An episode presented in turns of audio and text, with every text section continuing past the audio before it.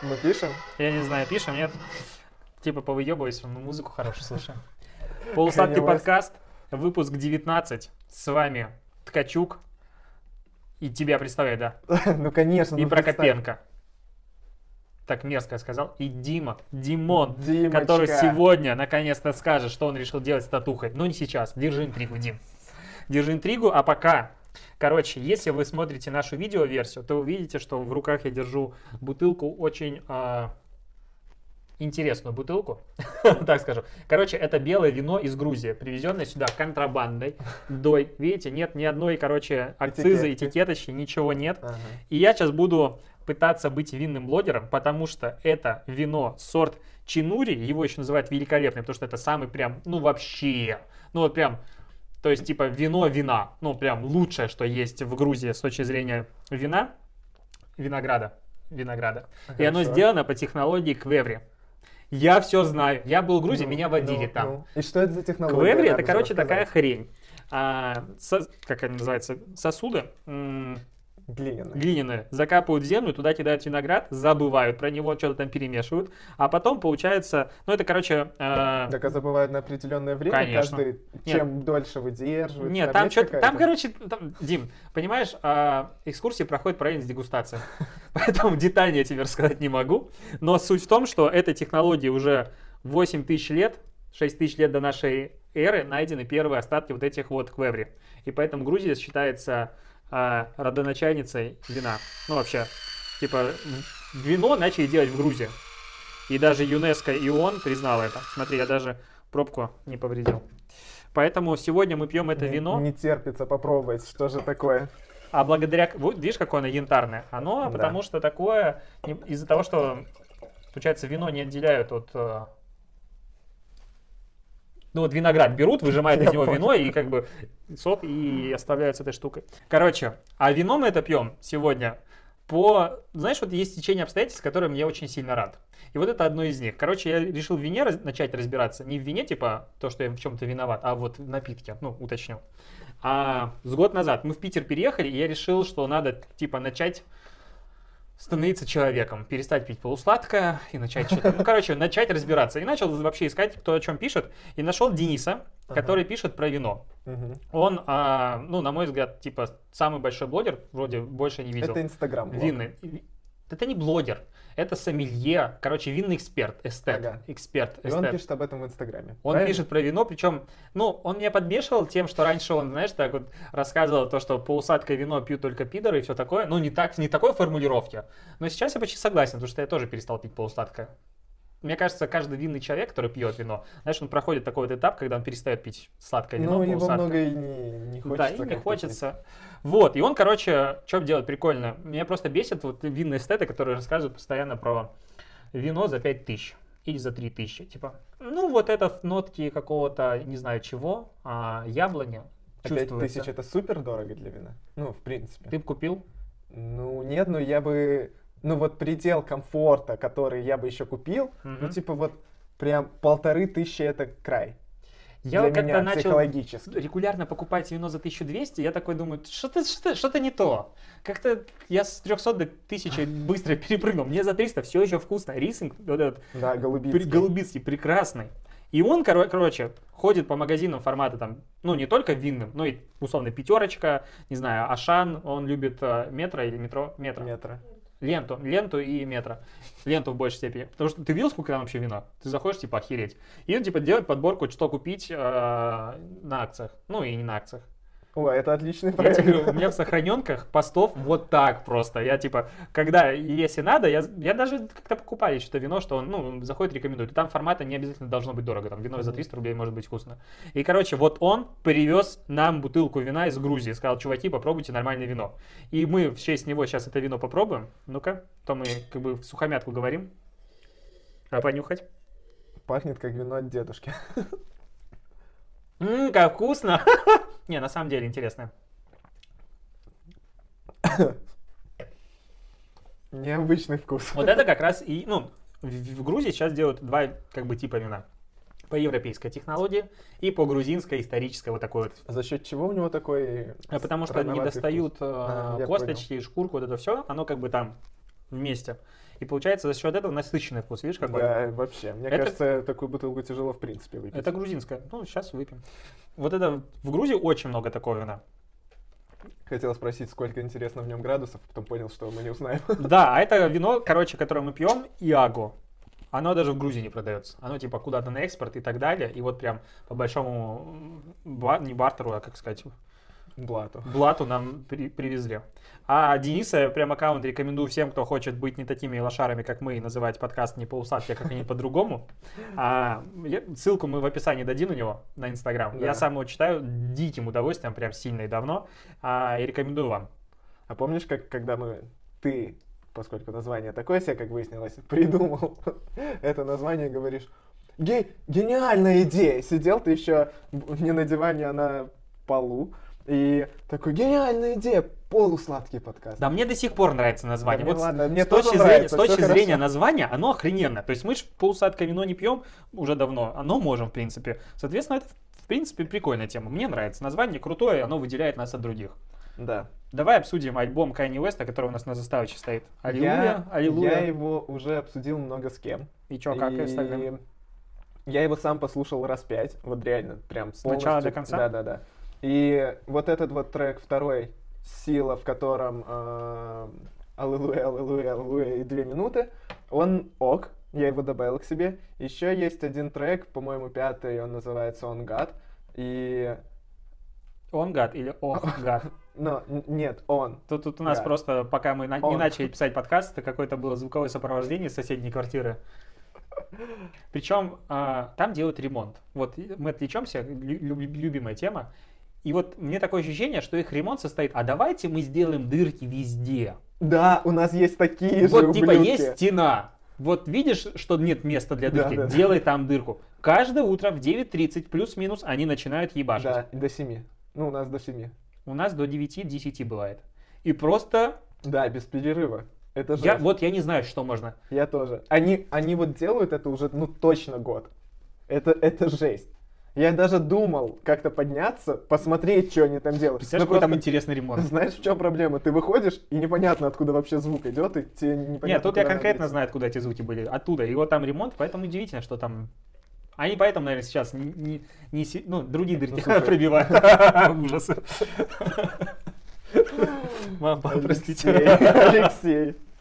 Да. Ну, короче, и в принципе, альбом э, многим не нравится. Вот все, с кем я обсуждал, они сказали, что альбом полное говно. Там два трека, мне, в принципе, ну, ну, норм. Ну, его можно реально послушать и стоит послушать, а так все вок- вокруг этого альбома было очень много шумихи. Как Я, бы. короче, Ну, он крейзи немного. мы были, мы где-то кушали с Сашей, и такие, блин, альбом вышел. Ну, я увидел, конечно же, я же digital-блогер, я первым все вижу. Альбом вышел, надо идти домой. И я шел домой с ощущением, что мы сейчас приходим, я включаю, подключаю свой виниловый проигрыватель по Bluetooth, он прошаренный, к этому Apple TV, он мне туда, ну, короче, магическим образом пересылает музыку, мы включаем, и я такой, что-то как-то про Бога много. Нет, так э, в принципе, еще в прошлом альбоме было уже такая тематика около веры. Нет, там было, Он ты- же, там один из любимых моих треков, а, этот I'm, I'm a God. да. Охрененно. Да. Так там как бы... Ты видел, как он трек подписан? Типа I'm a God, в скобочках fit God. Типа Ну, скромно. Скромненько как А здесь уже какая-то проповедь. Ну да, и в принципе слишком много вот этого хора церковного, и он совсем поехал мозгами, походу. Мне, ну, он же в интервью говорит о том, что Бог его спас. Раньше он только про шлюх думал и все такое, а сейчас вера помогла ему излечиться от сексуальной зависимости. Ой, это надо уже переходить в э, тематику Кани Вест, семья Кардашьянов и так далее. Ну, как нас, э, меня засирали за то, что мы не разбираемся в туризме, и, соответственно, я не могу говорить про города, которые мне не понравились, типа, вот есть такая наука, оказывается, путешествовать. И если ты не умеешь путешествовать, ты не можешь говорить о том, что Стамбул говно, не понравился, и в Баку тоже тебе не особо зашло. Мне кажется, сейчас, из-за того, что я высказал свое мнение, и ты высказал свое мнение по поводу Кайни, сейчас прилетят кино... аудиокритики, как музыка... музыкальные критики, Да. кто скажут, типа, какого хера, ты же не знаешь, что Кайни постоянно поет эти песни по выходным, перепевает известные треки и заменяет э, про шлюх на слова про Бога. Ну, там реально так. Мне уже просто рассказывают в чатах, я уже пообщался. Нет, альбом, альбом интересный, смелый. Ну, не знаю, мне, можно мне не послушать. зашел, ну, Это честно. Мне зашла одна песня, и то из-за того, это «Аллилуйя, аллилуйя». Все остальное такое себе, я буду старые треки слушать. Да, ну Каню, в принципе, классно. Надеюсь, он снова вернется к нормальной жизни. А вот тебе не страшно, что, к примеру, вот такие чуваки, ну, он же супер талантливый, да, никто не спорит. И, допустим, еще другие супер талантливые люди. Вдруг им что-то в голову ударит, не знаю, бабки, вера, ну, что угодно, любые варианты могут быть. В любом случае он обратился, допустим, к вере. На полном серьезе. Блин, я, И я теперь думаю только о Вере Брежневой. После что это... Вера, Вера Брежнева, так, ну. И начнет проповедовать вот эту свою веру в массы. А за Да, счет того, его что он, а за счет того, что он супер талантливый, как бы он может убедить людей. Конечно. Не вернемся ли мы в средневековье? А, Слушай, может, это, в принципе, э, глобальная пиар-компания какой-нибудь, знаешь, единой церкви. Блин, а кто? Вот, кстати, а, если бы была церковь, вот самое главное. Тут, наверное, церковь. каждый скажет, тот, э, ты знаешь, не репрезентативно у двух православных спрашивали, какая бы церковь была главной. Ну, блин, мне тоже, по сути, вот есть все разные направления религии, и одна глобали такая, Мгм. которая говорит, так, нам нужен Kanye West, Капитализм была бы вера. Нет, нет. Вера в деньги. нам нужен Kanye West, чтобы... А он, а он очень дорогой, его концерт стоит, по-моему, 3 миллиона выступления, вот чисто пригласить на корпоратив 3 Ну, миллиона долларов. а, ну, Это много, это много. По-моему, Бьонс, Бьонсе стоит миллион, а он 3. Ну и... Ну, мне кажется, Бьонсе все-таки... Ну ладно, хз. Ну, не знаю, хз. Вот. Извините. Говори в бокал, да. Так поступают Я, я, подумал, что это микрофон на секунду. Вино в голову ударил. Я недавно слушал подкаст, в котором парень писал звук на iPhone с Истоминой. Короче, был парень, э, подкаст назывался, как он? Интересный подкаст. Ну, полусладкий подкаст, интересный подкаст. Мне кажется, мы А я, подружились. я, я с- я слышал, да, что такое про это. А у него там с какими-то музыкантами, там три выпуска буквально было, с Истоминой. Ну, мне просто нравится. И мы послушали подкаст. Он говорит, мы просрали один микрофон, поэтому, типа, гости пишут микрофон нормально, а я в iPhone. И звук там лучше, чем наши петлички. Я не понимаю, что Реально? там хороший Да звук. ну. Я тебе, ну вот потом Так включу. может мы будем писать на iPhone? Мгм. У нас с петличками звук говно. Короче, и ты не боишься, что, допустим, а, из-за того, что много чуваков каких-нибудь талантливых начнут продвигать церковь, прям, а вот я так говорю, как будто вера, вера это что-то плохое. Меня сейчас нет, загнобят. нет. А, Мы это уже, кстати, обсуждали. Э, Религия — это... Нет, вера — это хорошо. Это ок. Особенно, когда она на Брежнева. Да. Верить во что-либо, и это не только может быть там в божественных каких-то созданиях и так далее, это ок. Ну, каждый верит во что хочет. Я, может, там, не знаю, в инопланетян верю, и это для меня какая-то вера. А, Религии, довольно многие из них вызывают кучу вопросов. Apple. Это и религия уже или нет? Ну, я бы назвал, что да. Ну, потому что типичные показатели религии. Люди готовы, несмотря ни на что, нести деньги куда-то. Ну, типа, заложить квартиру и купить себе новые AirPods. Ладно, не настолько они дорогие. Они стоят 20 с Смотря в чем-то каком городе ты живешь. Ну да. И я бы, я бы сказал, что да, постепенно Apple идет к тому, чтобы стать э, таким институтом оп- э, очередным в религии. Но, в принципе, то, что люди пойдут и начнут во что-то верить, ну ладно, в данном случае они начнут верить там в Бога, в какого, кстати, непонятно. Надо послушать очень хорошо треки Канье, чтобы понять, о каком начало именно английский язык выучить. Да. Да там несложно, там Там, Там аллилуйя! аллилуйя и Я газ. пер- пер- первую песню могу уже сходу пересказать. Но я думаю, что будет все, если люди начнут как-то относиться к церкви. э, Я вот что-то ссу. Мне не нравится то, что происходит у нас здесь, с точки зрения религии, как она. А вот представь э, русскую православную церковь. Мне кажется, мы опять заходим на эту территорию первого подкаста, на которой было достаточно стрёмно. И вот, про стрёмность. Это то, о чем я хотел поговорить. Ничего себе, как ты... Я даже не ожидал, как ты перейдешь. Нет, ну и мы не, не принципе. планировали, да. Нет, так ты сам, ну, мы готовимся к подкасту, есть такое иногда свойство. Мы не просто так пиздим, мы новости находим, там темы Не как какие-то. думаете, изучаем. Я вот к следующему подкасту книгу читаю, то есть все серьезно прям. И а, есть новость, которая Дима предложил, а потом говорит, не, давай ее не будем обсуждать, потому что что-то стрёмно. Заходим на территорию чего? Феминизм. Ты столько звуков издаешь лишних, типа феминизма, о том, что как новость звучала. На Инке вышла новость про то, что женщины-боссы вдохновляют куда сильнее, чем мужчины-боссы. И, конечно же, заголовок очень кликбейтный. Я моментально зашел, чтобы посмотреть, э, в чем суть новости. И там э, про то, что когда женщина босс, люди более спокойно, они более удовлетворительно относятся к своей работе. Но это на самом деле, я так подумал, что возможно правда. Так там опросили 40 тысяч человек, 60 тысяч сотрудников. Да. По да, шкале от там 1 до нормально. 10 сотрудники компании с руководительницами вдохновлены целью и миссией организации на 8 баллов. А в мужских компаниях коэффициент вдохновленности меньше нуля. Я не Знаешь- знаю, как от 1 до 10 меньше нуля, как это можно получить. Ну ладно. Знаешь, вот ты говорил про стрёмно, и мы можем сейчас перейти еще на одну дорожку, типа вот тут написано руководительницы, ну типа феминитивы, там все Я дела. прочитал, как в Инке было, плевать. Так вот. И это новость, которую Цикл. интересно обсудить, Да. но мне в прикол было бы. Но ее обсуждать не то, что стрёмно, а это такая типа опасная какая-то территория, которая ты такой... Ну, слушай, это... Ну ты сам сказал, что мы выз- вызовем пожар и огонь своими неосторожными сексистскими э, взглядами на мир. Так почему сексистскими именно? Ну, может быть, мы бы высказали свое мнение, и оно казалось бы мнением большинства. А, ну то ты правильно и сказал, сексистскими, то есть. Да. И даже в этой шутке уже как бы, понимаешь, разгорающееся пламя. непонятно, а, как, э, как Короче, сейчас, сегодня очень много тем, которые просто стрёмно обсуждать. Да. И вот формата мы вроде бы живем в самое свободное время. Ну, идем к этому вроде как. Ну, формата да, но при этом все больше и больше тем, про которые ты говорить не можешь. Или если можешь, то очень осторожно. Либо ты стендап-комик и можно.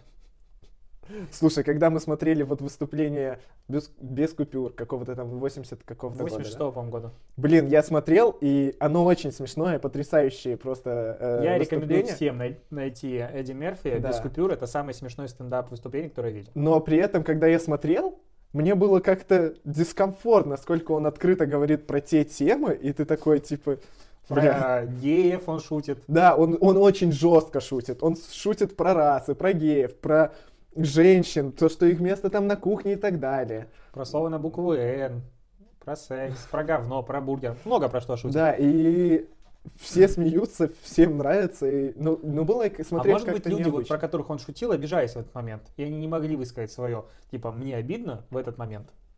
Потому что все шутят, смеются. А сейчас мы А наоборот сейчас берем бы уже все запостили в Твиттер, написали бы, ты посмотри, как Эдди Мерфи... э, в Твиттер, ну а куда? в сторис. Нет, такое пишут в Твиттер. Ты человек Твиттера или сторис? Нет, я вообще, я в Твиттере только читаю, я не пишу никогда. Вообще. Ма- Ну, не дай боже, просто я подумал, что плохо тебя знаю. С другой стороны, есть просто прекраснейшая новость, которая, ну, прям... а, короче, новость, она уже немножко старая. Типа две недели Да, была. мало кто знает Ну, до сих пор, Ну, а в Гонконге протесты идут с июня. То есть Ага. там огромные протесты, народ, э, не будем вдаваться в суть. Но смысл в чем? А люди в мире, как бы условно, плюс-минус, на стороне протестующих в этот раз. Ну, потому что вообще любят люди в мире быть на стороне протестующих, потому что люди любят людей. Окей. Суть в чем? А, часть компаний каким-то одним или другим образом попали в скандал из-за того, что поддержали протестующих. Из-за чего Китай сказал, вы что, охерели? И компании пошли извиняться. Среди извиняющихся у меня есть список короткий.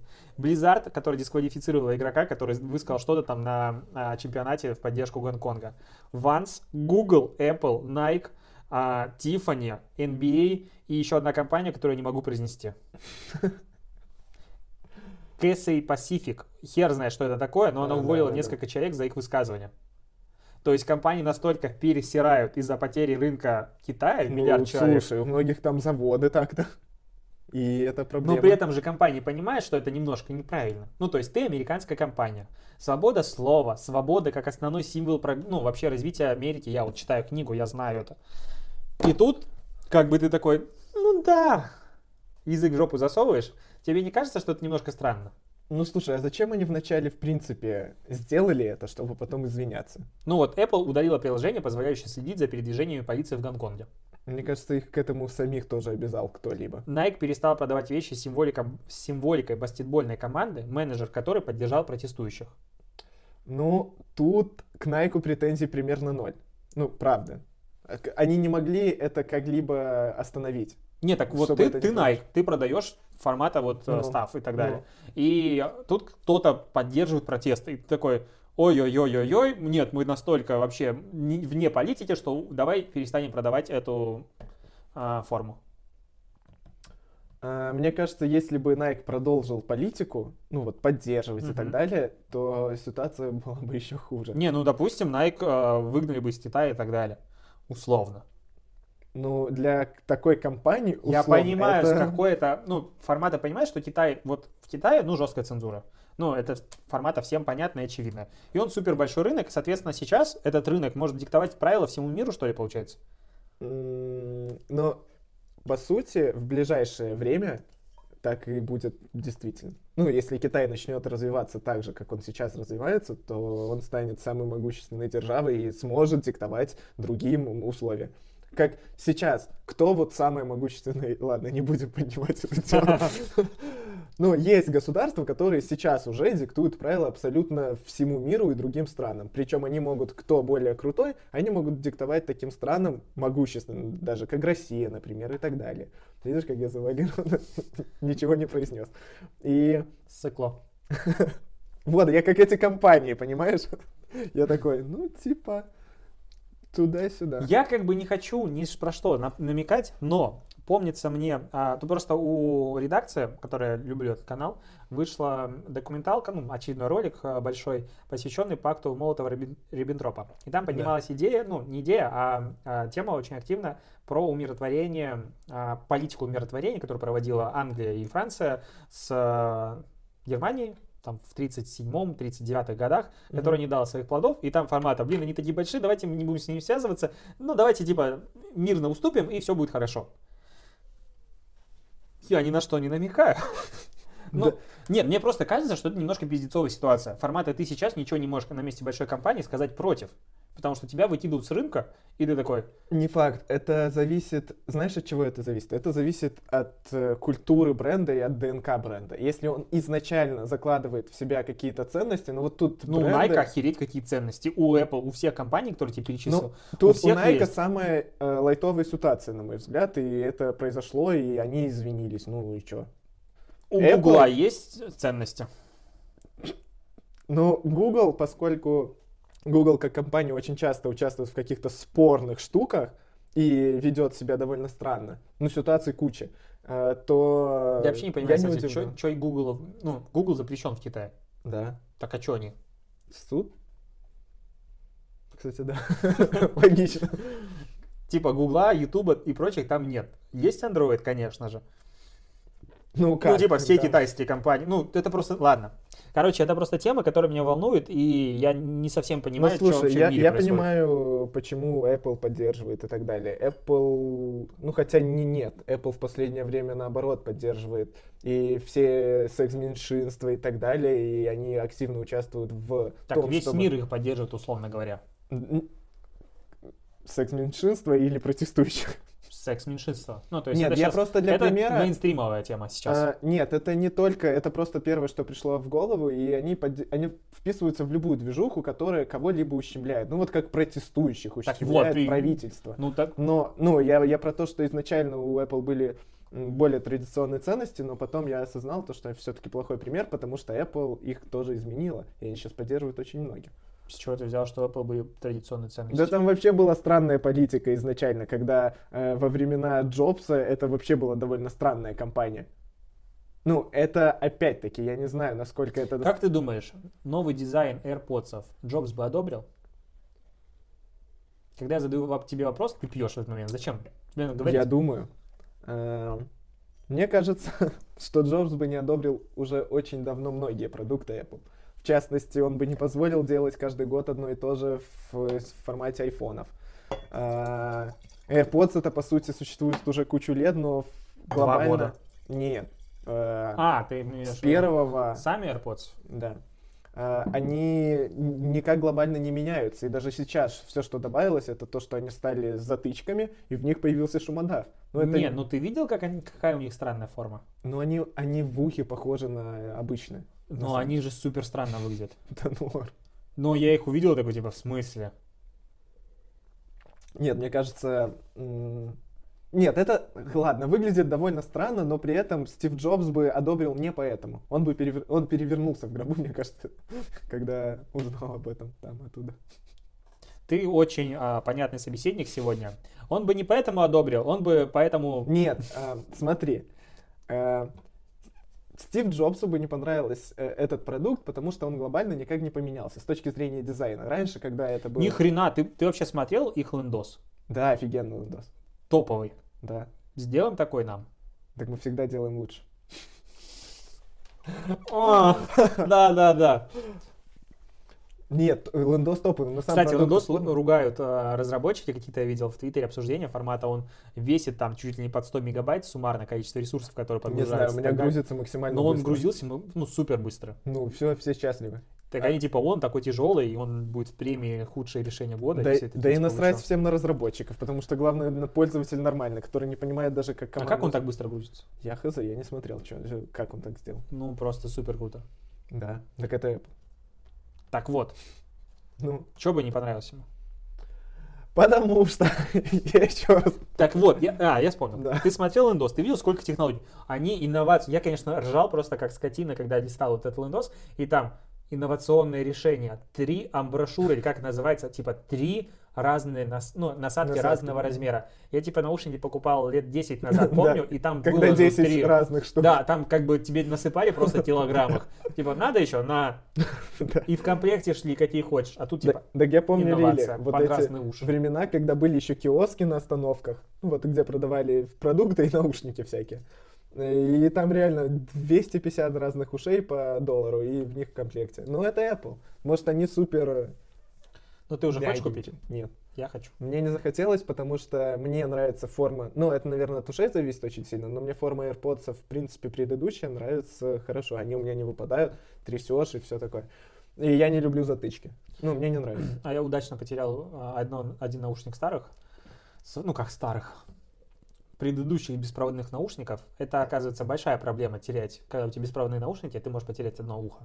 Очень грустно А, становится. кстати, это. у Huawei нету купить один.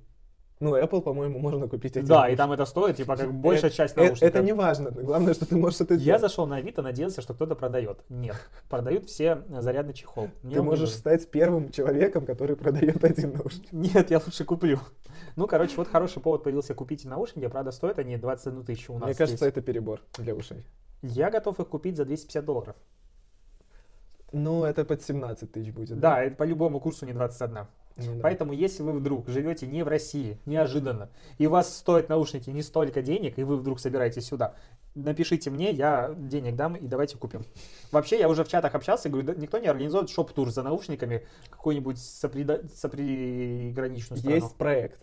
Это не реклама, просто вспомнил про проект, э, который называется Grab, по-моему, или Grab. А, ну так Grab, много Grab. таких. И суть в том, что это кто-то едет, ты, ты летишь в Азербайджан, например, и так далее. Ты просто берешь какую-то комиссию, покупаешь человеку наушники, и получается куда дешевле. Ну, разница довольно сильная в странах. Отличный проект. Можно так заказать. А еще из Америки можно достать. Мы сейчас в Wylsacom превращаемся, который... а, Доставка продуктов из а, Америки. Кстати, в России выходит на рынок Instamart. Это вот сервис доставки из самый популярный, наверное, в мире из э, продуктовых магазинов. И Instamart. Инста. Инста. Они инстаграмы фотки продают? Я такой прям А, кстати, шутник. э, Кстати, странно, что такое название Да, я вот тоже думаю об этом, потому что это зарегистрированные да. названия, и типа их юзать просто так нельзя. Я поэтому, когда придумываю название для Inblocks, который и так серый сервис, и как бы официально он не должен работать, и все такое, Инстаграм его вообще не позволяет, мы такие, мы не будем использовать Инста и Грамм, и комбинированно из этого, и получился Inblocks. Охрененное название. Не iBlock, а Inblocks. Чувствуешь, Хорошо, вообще что круто. вы были не iBlock. Это... Бля, помнишь времена, когда были все компании типа i, Ай. что-то там? Все были i. А потом, а в России в это время, мне кажется, был тренд на off. Типа Тиньков, Чайников, блядь, Кофинов, еще кто-нибудь. А я в первую очередь подумал Немиров. Немиров. Я не знаю. Но Немиров это же Украина, по-моему. Ну да, но, но все там были такие. Да. Фу. Звучит Фу, было много. Джефф Безос и PowerPoint. И PowerPoint. Просто для вас а, не прошло и секунды с момента окончания предыдущей новости и перехода к следующей. А мы тут получили втык от режиссера нашего выпуска за то, что у нас дико скучный и неинтересный выпуск, как мы любим. И у нас ужасная дикция, и поэтому теперь мы говорим идеально. Более четко, я бы сказал, проговаривай каждый звук. Ну, Блин, ты- все равно не четко. Ну, у тебя, в принципе, да, у меня Да. такой же пиздос. А, ты знаешь, вообще странная штука такая, формата, когда нам весело в подкасте, мне кажется, людям не так весело его смотреть. Я согласен. А когда нам не очень весело, им всем вообще нравится. Вообще не весело, мне кажется. И, и, и вообще, может, нам не надо под- подкаст писать? Вот смотри, мы сейчас пишем, Пам-пам. мы сейчас пишем 19 потом 20 и закончим на этом. Нет, мы должны дойти до сотки. До сотки. До сотки. У нас и так падает, ну там нас будет слушать моя мама, папа, сестра, тебя Ну, твои, смотри, твои никто не слушает, в принципе. Сестра. В Сеттерс нас никто не слушает. Ну и Саша будет, но на, на прослушивание, ну, когда монтирует, тогда и слушает, в принципе, все. Сотка. Минимум сотка. И один случайный человек, который зашел, такой, блядь, зачем я? И мы такие пишем, под... Мы- ладно, Мы запишем 100 выпусков, это будет 100 недель. Это же вообще и офигенно. запишем их, под- будем продавать на пластинках.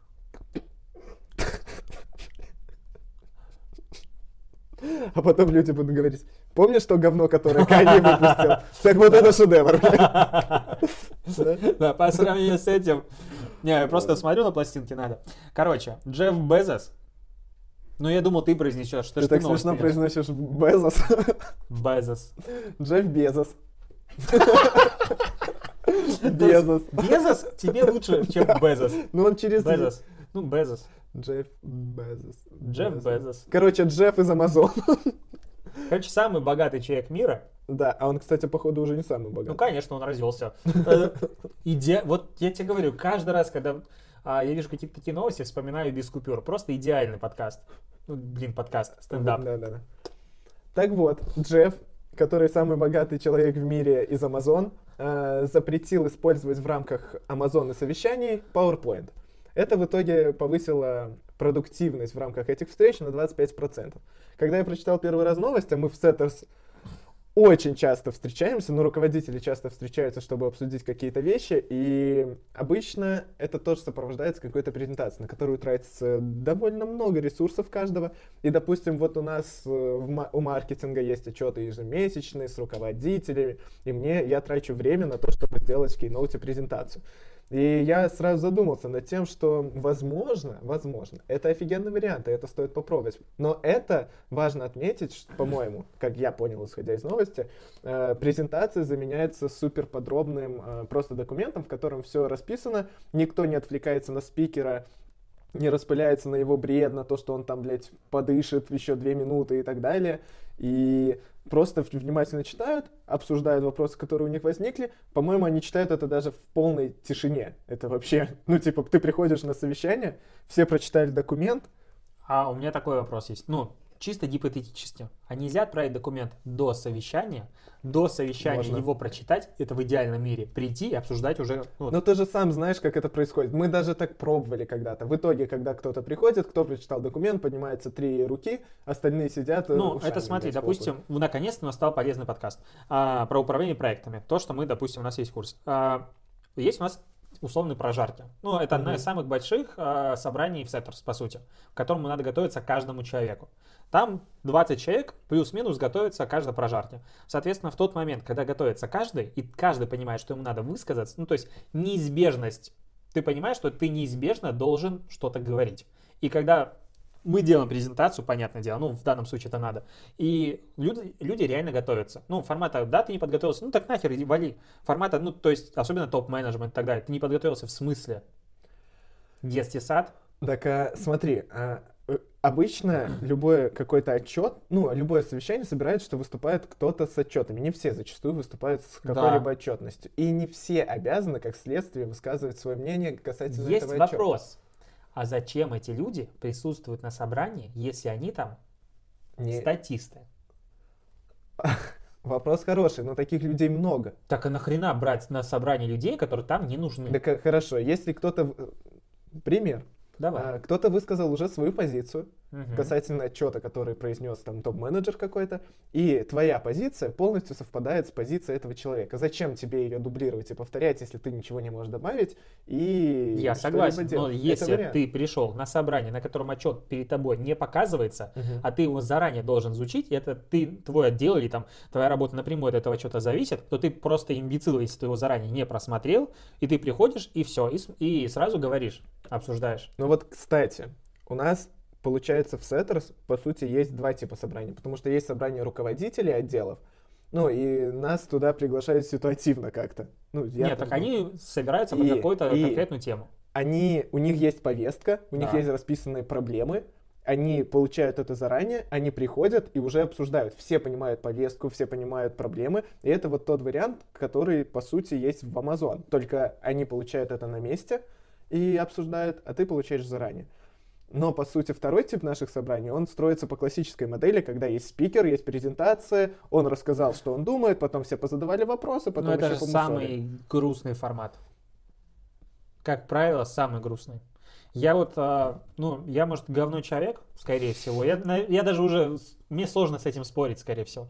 Но, когда я смотрю часто какие-то отчеты, а, собрания, у нас много, вот за последнюю неделю было много собраний. И я вот сижу, думаю, ну, мне всегда хочется ускорить Питера. Я, типа, очень быстрый человек, видимо, ну, супер какой-то. И, ну, не супер человек, а супер быстрый в этом плане. И ты такой, вот есть слайд, на который ты вывел текст. Мне кажется, просто людей надо научить выступать презентациями. Потому что когда, допустим, 50 пунктов, и каждый давайте проговорю. Так нахера я их прочитал? Типа, зачем показывать это и говорить то же самое, что написано на слайде? То есть это же должна быть презентация дополнением тебя, или ты дополнением презентации. Короче, вот это вот... Я не буду приводить конкретику, я могу о ней сказать потом. Но есть нюансы с подготовкой презентации. А, смотри, это я согласен, но... И если бы отчеты все смотрели заранее, ты приходил задавал вопросы конкретно, то есть типа а, презентация по вопросам продвижения какого-нибудь продукта и по результатам работы какого-то продукта. Ты приходишь такой, вот человек презентует. Так в чем проблема? Я могу его в 4 раза быстрее отсмотреть сам, прийти с конкретным списком вопросов и обсудить. Э, у меня, в принципе, вызывает вопрос не, не то, как презентуется. Я, я согласен, что совещание и собрание, в принципе, это инструмент, который должен быть, но очень редко. Мне не нравится, что во многих компаниях, и, и в частности, мне кажется, по моему мнению, субъективному, И в нас- частности, по моему мнению, мне кажется.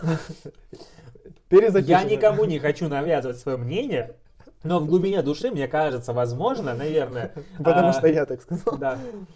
Так вот, и мне кажется, что у нас, э, в принципе, ну, очень много собраний. И я собрание как инструмент э, бизнес-коммуникации считаю очень устаревшим и плохим. Ну, мне, э, если бы люди решали эти вопросы даже удаленно, вот есть какая-то проблематика небольшая, ее, если бы люди обсуждали в рамках там Slack, Telegram или еще какого-нибудь мессенджера, решалось бы быстрее и за более короткое время, зачастую. Даже есть исследования проводились, что ребята, которые не проводят собрания, они решают проблемы быстрее, чем те ребята, которые... э, команды. Были две команды, которые обсуждали вопросы чисто со совещаниями, а на совещаниях всегда разговор, э, если не супер крутой модератор, а таких обычно не бывает, то он заходит в неправильное русло, все начинают там уходить от темы и так далее. А в, в Slack или в Телеграме и другом мессенджере у тебя нету такой Ну, а возможности. там вообще невозможно уйти в сторону. Ну, ты Там можешь... просто пиздеж на неделю Ты начинается. можешь уйти, но ты будешь держаться в том русле. И вот согласно этому исследованию, которое проводили, эффективнее работать в мессенджерах. И когда я его прочитал, это дав- давно а было. это исследование делалось случайно не Facebook? Нет. Там про WhatsApp, мессенджер, нет? Но я тогда, когда читал, я, я согласен с тем, что совещание, наверное, Я такое нет. себе. Мне кажется, совещание это эффективный инструмент при условии того, что ты понимаешь и умеешь им пользоваться. Потому что люди чаще просто собираются, потому что совещание это процесс, и типа все заняты, всем людям это часто нравится, все пришли такие, давайте обсудим и обсуждаем. Ну, слушай, сколько... э, я согласен. Вот, допустим, ты умеешь устраивать совещание, допустим. Допустим. А, Не я- факт, но допустим. Ну, допустим. Э, И в итоге ты его устраиваешь, оно проходит успешно, у тебя есть четкий тайминг, ты знаешь, что оно не должно затягиваться более 30 минут, но и ты, и я участвуем в куче совещаний, которые не мы инициируем. Ну, то есть это другие ребята или какая-то проблема, Так можно же помогать косвенно- людям. И там происходит полная жесть. Я иногда сижу, и, и я не так понимаю, смотри, что так, происходит. Дима, ну, вот тут тоже у меня такой вопрос. Ты же, условно говоря, топ-менеджер. Ну, один из, ну, как топ-менеджер? Ну, маркетинг Ну, в общем, что ты там делаешь? Короче, ходишь в офис Ну. иногда. Ну, ты же, у тебя же есть рот. Вот ты им сейчас говоришь. Да, конечно. Так, Так, типа, эту же проблематику можно вынести на, опять-таки, собрание, сделать презентацию. да нафига, это бред. Вот выносить в очередной Да раз я это угораю, я собрание. имею в виду, что можно как бы, а, ну люди не рождаются с умением вести встречи, зачастую. Люди не рождаются с умением делать презентации. Так формата можно же взять курс на оптимизацию всех этих процессов. Формата запретить бронировать переговорку больше, чем на час. Или там делать переговорки такие, чтобы в них влезало 5 человек максимум. И так далее. Ну, то есть, как, ну, мне кажется, что основная проблема встреч как раз-таки в их неэффективном управлении, а не в том, что встреча это Так неэффективный любой- инструмент. Мне кажется, модератором любой встречи должен выступать в первую очередь человек, который иници- инициатор этой встречи. Ну, а если зачастую. инициатор этой встречи ни хрена не умеет вести Так, встречи? а Часто почему я должен ему помогать, поддерживать? Ладно, я, я согласен, что учитывая то, что это мое время, ну, я трачу, я должен э, направить. Но в любом случае, даже когда ты говоришь человеку, что мы уходим уже куда-то не туда, давайте вернемся к сути, пройдет 5 минут, если это супер. Так можно еще раз напомнить? Да, это, еще раз. это начинает Так уже и раздражать, и тебе хочется уйти с этой встречи, потому что она ведет в никуда просто. И ты ее не можешь спасти. Это, знаешь, несется автобус горящий, и ты такой держишь, держишь, а он все равно тебя сбивает, и все. Ну толку. Мне кажется, если ты, ну, на тебя несется автобус, и ты держишь этот автобус, ты будешь держать его до последнего.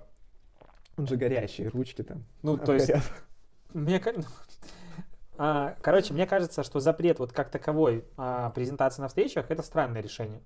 Ну, слушай, э, Ну, я, бы, поп- я бы как Знаешь, минимум любое решение, введенное в абсолют, оно всегда спорное. На самом-то деле, мне кажется, если бы это вело э, компании, ну так хотя бы там 10 топ-компаний, там Google, Amazon и так далее, и все бы подтвердили, что это повысило эффективность, это можно было бы подумать над этим. А, Большая часть топовых компаний работает по принципу, ну, управления, это, точнее, целеполагания по принципу ОКР. Да, офигенно. И что, Так все эффективны, так, кто использует этот принцип. и после этого, что все внедрили принцип ОКР, Нет, по- во-первых, большинство о нем не знает. Во-вторых, я хочу очень сильно внедрить этот принцип в Setters. Он очень сложно внедряется. И... Ну, мы придем к этому когда-нибудь. когда-нибудь, да? Да. На это надо куча времени. Я бы не хотел, чтобы презентации запрещали. Мне так нравится их делать. Мне, правда, иногда кажется, что вся моя работа состоит в том, чтобы делать презентации. И вот Блин. завтра, когда я буду, подожди, когда завтра, ну вот для вас не завтра, для вас уже вчера, а, когда я буду лететь в бизнес-классе, а, просто к слову вспомнил, а, в Хабаровск, а потом, ну, короче, вот далеко лететь. Первый раз летит человек нищеброд накатил за 28 лет. Да, и, ну, ты там никогда не был, а, 29 лет. Так вот, 29. Буду 29. делать презентацию в очередной раз. И с одной стороны меня это бесит, а с другой стороны я это люблю. Так я кажется, тоже обожаю. чё- Особенно чё- красивенькие презентации. Это мой конек прям. Это ты так думаешь. Не, они офигенно красивые. А у тебя, Такие у же, тебя как и логотип э, Олимпийских игр в Париже. Дим, давай, короче, последнее, самое важное. Знаешь, мы затравочку в начале дали, но я забыл в начале сказать прям точно, конкретно, что ты сегодня все-таки должен ответить на один принципиально важный вопрос. Дим, челлендж 50 тысяч подписчиков в твой инстаграм-аккаунт. Запускаем ли мы, и ты готов сделать татуировку с именем случайного человека, кто на тебя подпишется среди этих 50 тысяч человек. И- Я, я готов. Но Началось. Давай, белорус, вали. Это, у белорусов не бывает по-другому. Нет, сколько, смотри. ско- сколько стоит? Сколько дашь? Смотри, я готов это сделать, но поскольку подготовка и сейчас, в принципе, э, такой период жизни, когда я очень занят, Ага. очень сильно вовлечен в э, разные Многие штуки. процессы, я понимаю. Да, и У нас коллеги сейчас подготовка. Ты участвуешь? ну чуть-чуть. Э, И, соответственно, я это сделаю, но, скорее всего, или ближе к концу года, или в начале следующего. Ну, и тут целесообразность, насколько э, необходимо запускать такую штуку в конце года. Всем насрать, все озабочены подарками, бля, и когда им такой имбецил такой залетает, гоу, я Нет, вот сейчас я татуху». согласен, что так себе, потому что, скорее всего, сейчас стартнет много дивов, конкурсов, инфополе будет перегружено. Но в Но в новом году середине января... идеально, вот когда только вот 15 января, да, это прям топ. Так что, мы думаем про 15 января и начинаем делать план, как это все реализовать. Конечно, Посевы, конечно, продвижение. Конечно. Я бью тату. Я напишу, где я буду бить ее, когда... Мы, мы сейчас продумаем. Я точно соглашаюсь на эту вот историю. Ужас. Я тебе говорю, я эту историю внукам буду рассказывать. Я готов это сделать, но давайте отложим до, до Нового года. Когда будет инфополе благоприятно для того, Слово чтобы- пацана, да? Как говорил Макс Корж, да. Ой, бля. Мы не всегда такие скучные, как сегодня. Увидимся, услышимся в следующий раз по усадке подкаст. А допить-то кто-то должен? Я это вино хочу допить после нашего прекрасного подкаста. Все, пока. Было классно. Спасибо, что ты вот входишь в те 20% людей, кто нас дослушал. Да. Хотя вот, э, кстати, на самом деле iTunes дает больше. Он дает статистику 60, 70, 80%. Сколько? Ну, там 60 до 80% по-разному. А ВК дает процент, ну, 20%, и YouTube дает 20%. Я не знаю, как они считают. Поэтому думаю, что, может, другие подкастеры... Надо просто кор- короче делать подкасты, и все будет лучше. Да, можно привет, пока, все, 100% дослушиваний. Все, гаси, мать, выключай.